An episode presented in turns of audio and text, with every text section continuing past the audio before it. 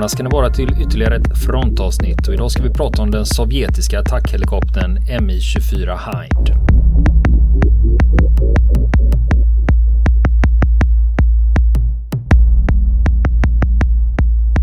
Ja, ska vi ta och beskriva hur den ser ut eller för de som inte, inte vet vad vi pratar om riktigt. Först kommer det ett långt rör. Först kommer det ett långt rör, precis. Det är en ganska, det är en ganska stor och tjock helikopter, ser ut ungefär som en humla när den flyger. Och har eh, i sin mest kända version då en, eh, vad kan man kalla det, dubbelbubbelkupol. Ja, just det, det är eh, två ja, kupoler. Ja, precis, där, där eh, piloten och vapen Eh, skytten. Ja, skytten sitter. Precis. Och eh, den har två små vingar. Och under de vingarna så är det ofta späckat med, med vapen. Ja. Av olika slag. Det kan vara robotar eller raketkapslar. Mm. Precis, alltså det, den här är ju nästan ikonisk mm. eh, till sitt utseende när det gäller vapen från kalla kriget.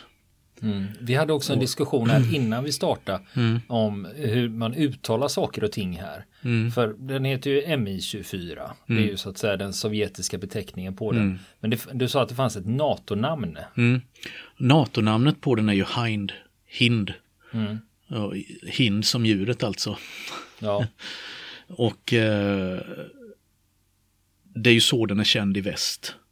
Och eh, av de ryska piloterna så kallades den inofficiellt för krokodil. Lite grann för att den kanske påminde om en, en tjock krokodil i kroppen. En väldigt gravid. Ja, en väldigt gravid krokodil. Och att den ofta hade ett kamouflagemönster som kanske på, kunde påminna lite grann om, eh, om eh, en krokodils hud. Mm.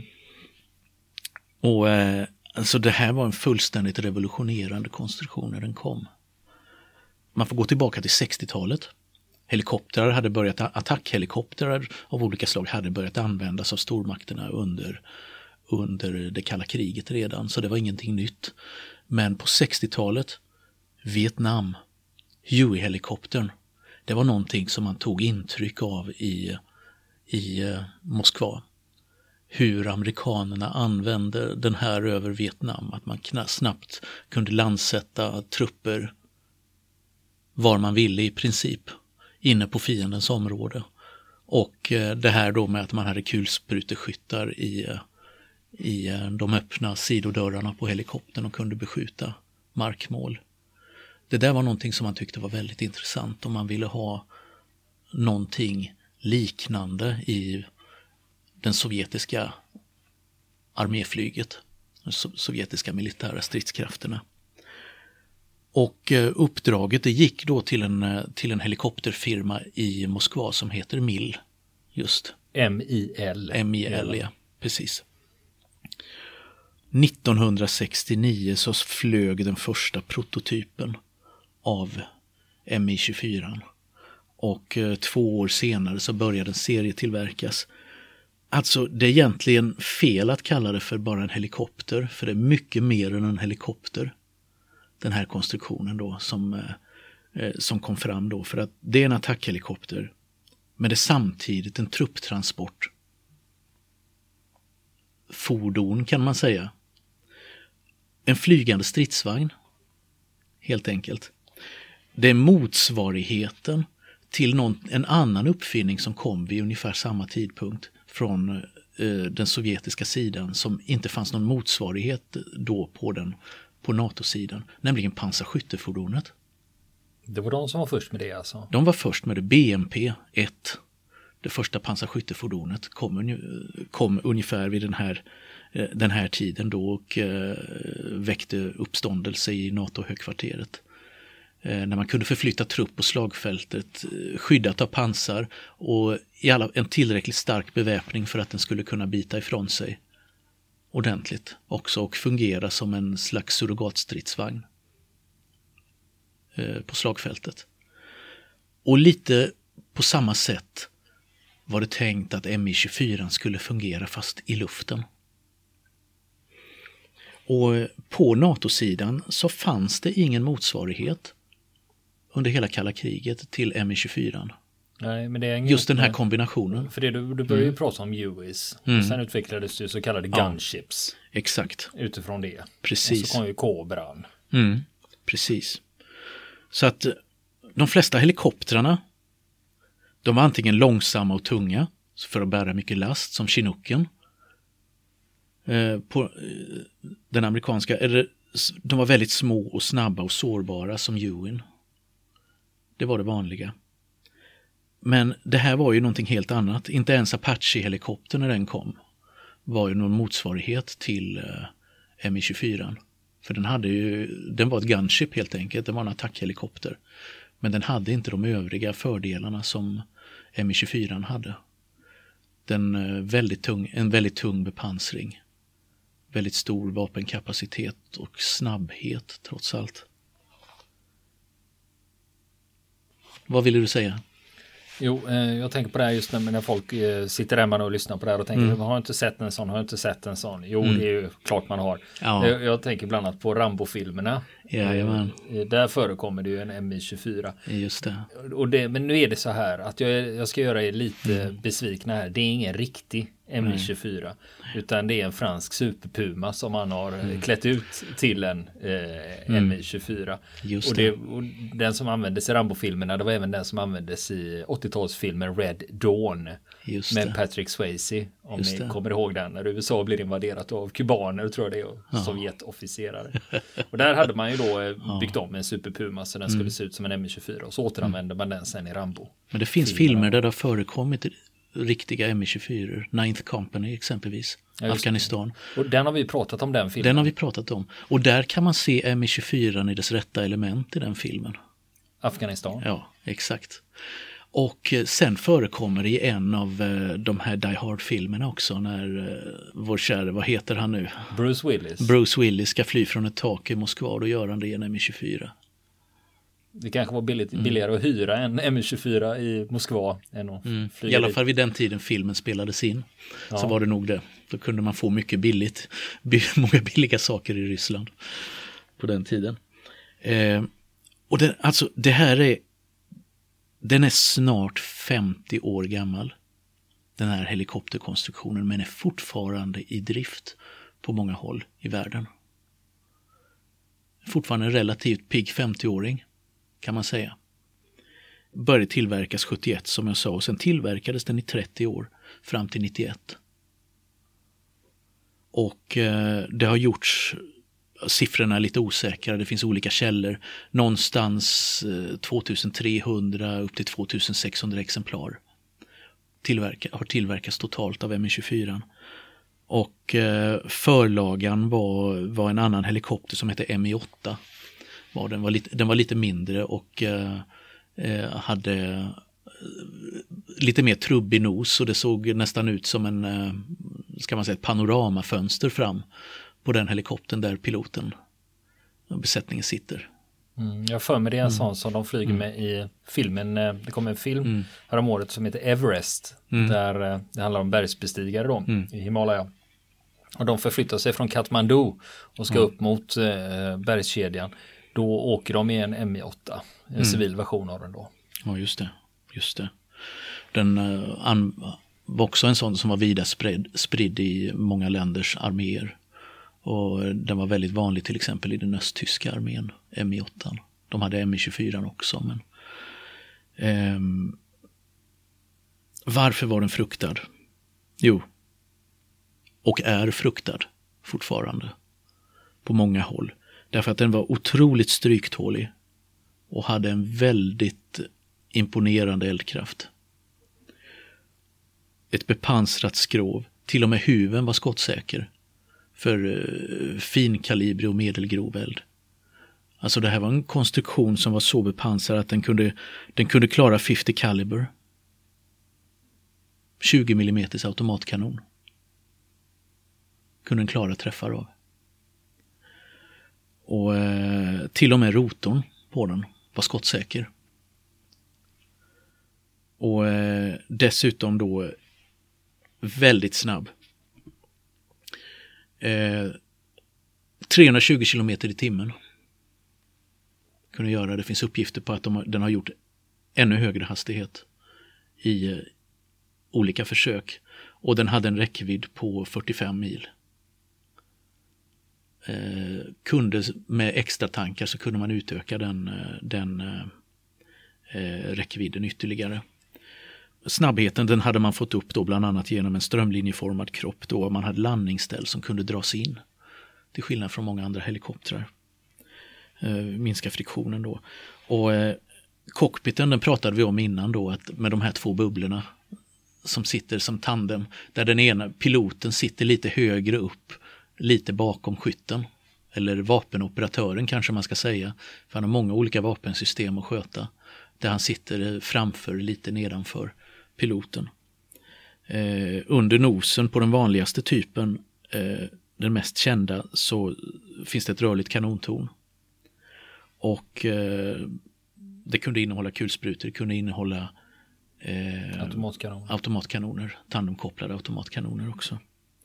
Eh, den hade ofta tre mans besättning.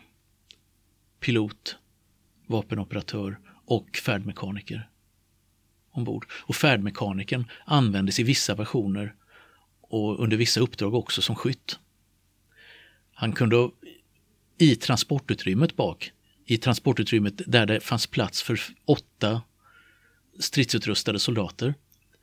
Där kunde han, som också hade skytteluckor på sidorna, man, precis som på ett pansarskyttefordon, man kunde strida från fordonet, kunde soldaterna även strida från helikoptern genom skottgluggar i, i skrovets sida.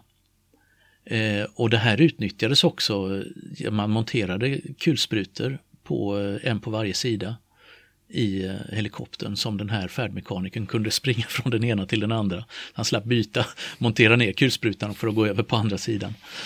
Eh, så att det förekom under många uppdrag att man, eh, man gjorde så på det sättet. Eh, och som jag sa, transport. Åtta stridsutrustade soldater eller fyra bårar med sårade soldater fick du plats med i lastutrymmet i helikoptern. Och du kunde ha en yttre last på ett och ett halvt ton på helikoptern också i form av bomber eller eh, robotar eller andra vapen. Det var en lång rad varianter som utvecklades då ur det här grundkonceptet. Då. Den första grunden till den här då som kom ut den hette 24D och sen kom det olika varianter och alla har varsin bokstavskombination då efter 24. Där, för, som identifierar vilken typ av eh, MI24 vi pratar om. Eh, det skulle föra lite långt att gå igenom allihop. Eh, då skulle vi ha ett program som tar många timmar. Mm.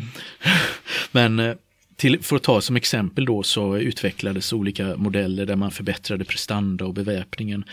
Där man hade olika alternativ beväpning på dem. Eh, man kunde ha olika specialbyggda modeller för spaning, eldledning eller minsvepning till och med. Eller för pansarbekämpning eller andra ren luftstrid. Fanns också olika utrustningsalternativ på dem. Det är lite allround. Mm. Lite JAS-koncept, ja, man kan ha ja, lite vad som helst. Precis, precis och det är, ju, det är ju väldigt ekonomiskt och ryssarna var ekonomiska och uh, duktiga vapenkonstruktörer. Uh, vapenplattformskonstruktörer. Att en, en, en grundkonstruktion som man kan använda till väldigt mycket var ju tanken. Den var inte byggd för att vara bekväm på det minsta sätt utan den var byggd för att vara snabb och, snabb och stryktålig. Eh, och den hade då en fembladig rotor som drevs av två turbinmotorer på vardera 2200 hästkrafter. Så rejält drag i det här kan man säga. Och eh, i kabinen då, Eh, där eh, besättningen satt så rådde det övertryck. Just, och det hade man infört då för att eh, som ett skydd mot eh, radioaktivitet, kemiska och biologiska vapen. Att det inte skulle tränga in damm och eh, stridsmedel mm. i cockpiten. det är ju så med övertryck, det, ja, det fungerar ju så när du har också. Ja, för när du har övertryck, om det blir mm. punktering så mm. kommer det bara att läcka ut mm. luft. Det kommer inte att läcka in någonting. Just det. Det är sådana man har i outbreak-dräkter också. Just det. Just det. Och eh, när det gäller beväpningen då, det har vi pratat om här då lite, den kunde ha Gatling-kulspruta. Eh, 12,7 eh, millimeters. Kunde ha en, de här automatkanonerna parallellkopplade eh, i den här kanontornet. Det kunde ha fönstermonterade kulsprutor då i lastutrymmet. Och under vingarna då så hängde det olika typer av vapen beroende på uppdrag. Det kunde vara pansarvärnsrobotar, det kunde vara luftvärnsrobotar, det kunde vara 500 kilos bomber, två stycken. Om man skulle ut på bombuppdrag. Och eh, det kunde sitta raketsprutor. Och eh, den användes i olika roller. Den användes för markattack, närunderstöd då för att hjälpa infanteriförband under anfall och försvar. Eh, luftstrid, landsättning, luftlandsättningar. Eh, ren transport, ambulansflyg, stridsvagnsbekämpning eller eskort, eskortuppdrag och då kunde handla både om att eskortera andra transporthelikoptrar eller eskortera konvojer på marken. Eh, till exempel. Och så sa vi det här med minsvepning och spaning och eldledning tidigare också. Det fanns massor av olika roller som de här har använts, använts i då i den ryska eh, stridskrafterna och i andra länders stridskrafter. Eh, och den har ju deltagit i strid under de här åren också. Många gånger i många olika länder på, har den varit med i verkliga strider. Och i stort sett alla krig som Sovjetunionen och senare Ryssland har deltagit i har Mi-24 förekommit. Och eh, Elddopet, det fick den i Afrika i slutet av 70-talet, 1977-78 i Ogadenkriget mellan Etiopien och Somalia. Eh, inte så mycket att säga om det, men det stora, det som har förknippats oerhört mycket med Mi-24 är Afghanistan. Den sovjetiska invasionen av Afghanistan 1979 och eh, kriget där som varade i ett helt årtionde. Mm. Och ända fram till ryska återtåget 1989. Mm. Och det har ju nästan lika mm. stort kulturellt symbolvärde så jag tänker mm. på Ewin och mm. Vietnamkriget och så har vi ME24, ME24 i, Afghanistan. i Afghanistan. Just det. Det är ungefär på samma nivå där. Kan mm. man nog säga. Ja. Ja. Det kan man verkligen säga. Har du något mer att säga ja. om Afghanistan? Jag har mycket mer att säga om Afghanistan. Ska vi ta det nu? Ja. jo, det, alltså, där var det så att luftstridskrafterna i och eh, arméflyget i Afghanistan förlitade sig i huvudsak på den här stridshelikoptern. Den blev eh, synonymt med luftherraväldet i, i eh, Afghanistan. Och eh, respekterades så mycket av eh, gerillan, Mujahedin, att de kallade den för Shaitan Arba, djävulens stridsvagn. Och eh,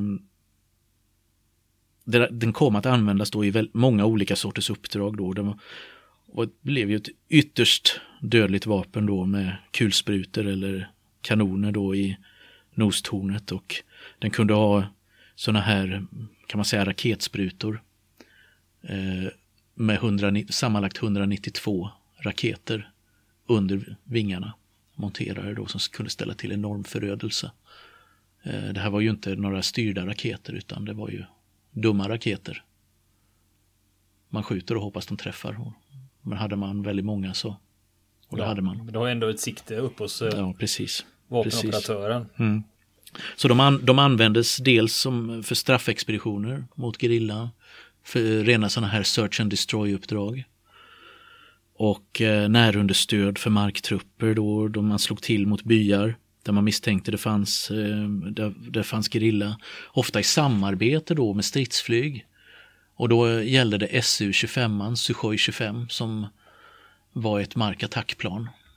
Eh, som eh, då på NATO-språk heter Frogfoot. Och eh, stridande spaningsuppdrag var den också eh, insatt i.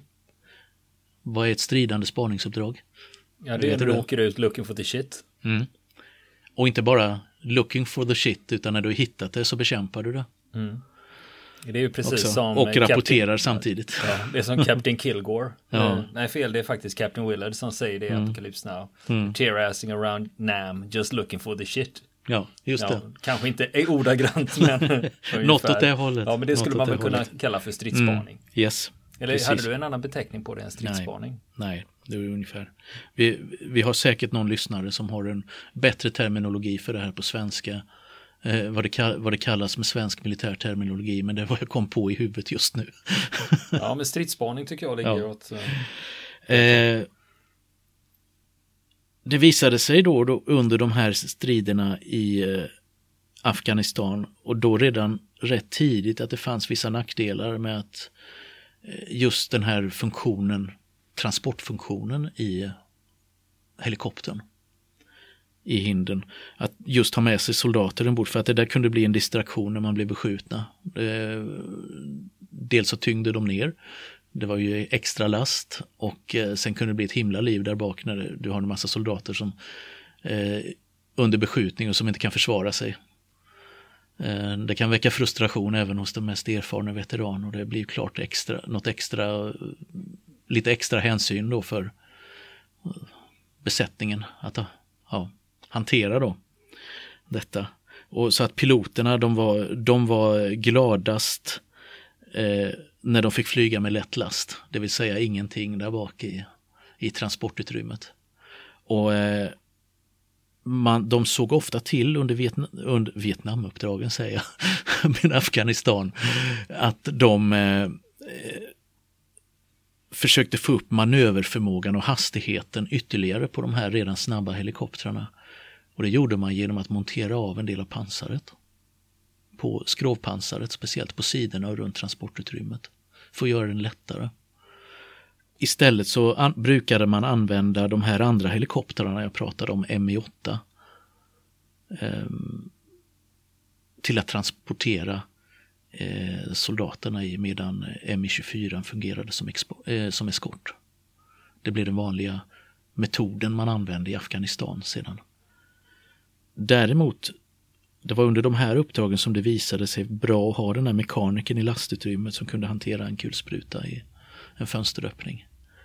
För att det blev ju i viss mån samma sak som att ha en akterskytt.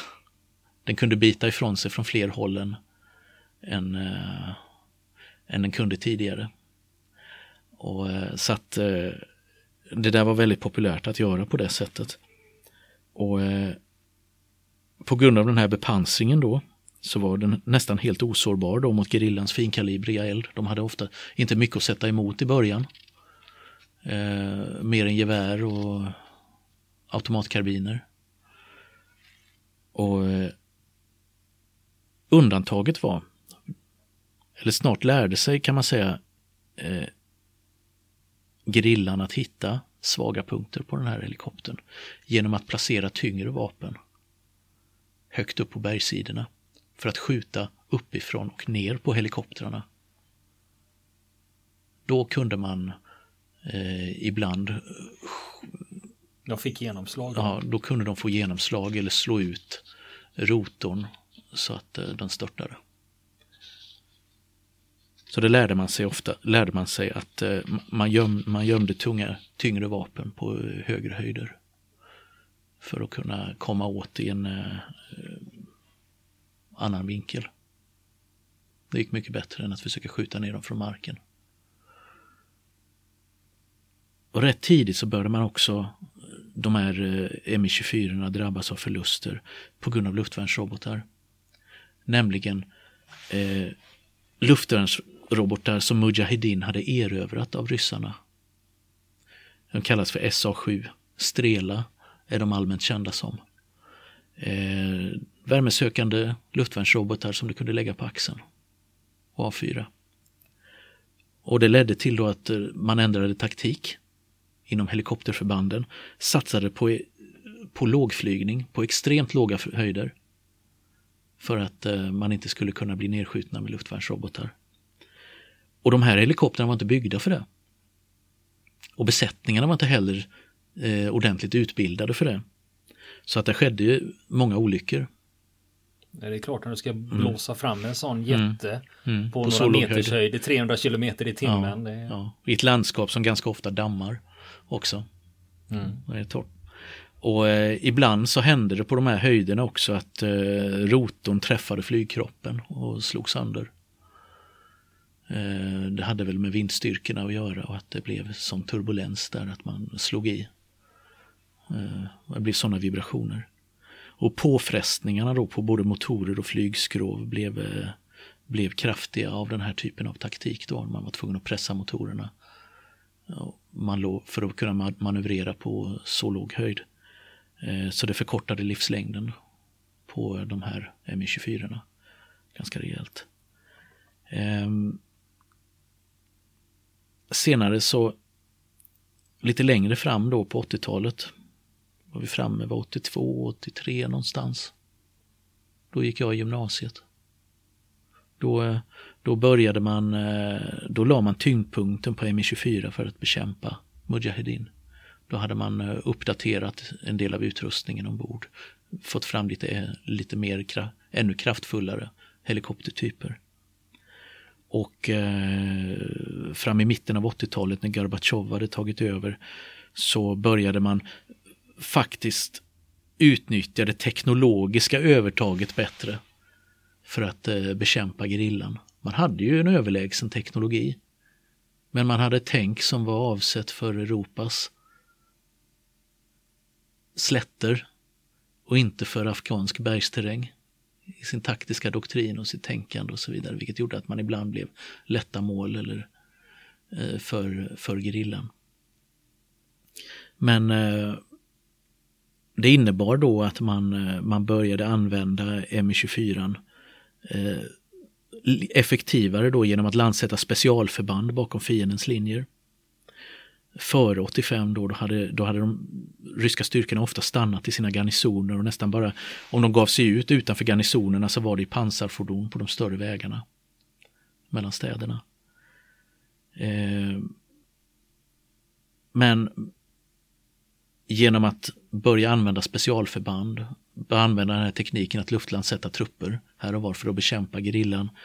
Och eh, ja, man flög ju fortfarande på låg höjd där så eh, började man så sakteliga få övertaget över Mujahedin i Afghanistan. Men fortfarande så var det ganska mycket man tänkte konventionellt krig och inte gerillakrig. Lite grann som amerikanerna i Vietnam. Där. Som eh, man kom liksom inte till rätta med den här irreguljära krigföringen som motståndaren sysslade med. Och då, då är vi framme 1986 och i april. Vad händer då? Stinger-missilerna kommer. Exakt. USA beslutar sig för att förse gerillan i Afghanistan med Stinger. Och vill ni veta hur det finns en film, mm. en amerikansk mm. film som handlar om spelet inom politiken för att få det här till stånd. Och mm. den filmen heter Charlie Wilsons War. Och där handlar det om de politiska turerna mm. i Washington. Där det är en driven politiker då som eh, mm vill dra poäng på det här då. Just det. Så att eh, den kan vara sevärd. Just det, just det. Mm. Stinger-missiler till Afghanistan. Exakt. Och det här blev en vändpunkt i kriget. För nu tog man loven av ryssarnas främsta vapen i Afghanistan. Grillan, de hade ju skjutit ner rätt många helikoptrar innan dess, de med välplacerade automatkanoner och även granatgevär från bergssidorna. Eh, men med Stinger så utjämnade man det ryska övertaget. Helikoptrarnas styrka var ju rörlighet och eldkraft. Men med Stinger så kom, man, kom de till korta mot de här och när det var som värst så förlorade ryssarna i genomsnitt en helikopter per dag. Och eh, man har räknat till drygt 270 bekräftade nedskjutningar. Det var i princip eh, lika många helikoptrar som man från början hade haft med sig till Afghanistan under invasionen. Och till följd av det här då så kunde man inte längre använda 24 vare sig som närunderstöd till sina marktrupper eller för att landsätta spetsnaz-soldater bakom fiendens linjer. Eh, så den blev helt lamslagen då i detta och eh, ja, sen gick det ju som det gick. 89 så lämnade den sista, den sista eh, ryske soldaten Afghanistan. Och den sista krigsförlusten är en nedskjuten Mi-24 där besättningen dödades. 1989. I det Men vi kan ju tillägga att mm. Eh, det här var ju också under en period av glasnost och perestrojka. Där man hade en eh, lite, man ändrar ju inriktning på sin politik också. Ja, och precis. sen vet jag inte hur ekonomin såg ut i Sovjet vid det här laget. Om man, vid den laget, den var i ruiner. För då, jag menar att bedriva, bedriva ett eh, krig i tio år. Mm. Så, Precis. Även om det var ett grannland. Så. Mm. Nej, de eh, kallades ju hem soldaterna för att eh, den eh, ryska staten var bankrutt. Man klarade inte att finansiera ett fortsatt krig. Och Sovjetunionen höll på att falla sönder. Så att det ingick ju, men Stinger blev ju en symbol för motståndsrörelsen. Precis som Mi-24 var en symbol för inkräktarna. Och nästa vecka, då fortsätter vi prata om den sovjetiska attackhelikoptern Mil Mi-24 Hind. Vill ni komma i kontakt med oss så kan ni göra det via vår Facebook-sida som heter Fronten. Det är inga problem för er att leta er fram där.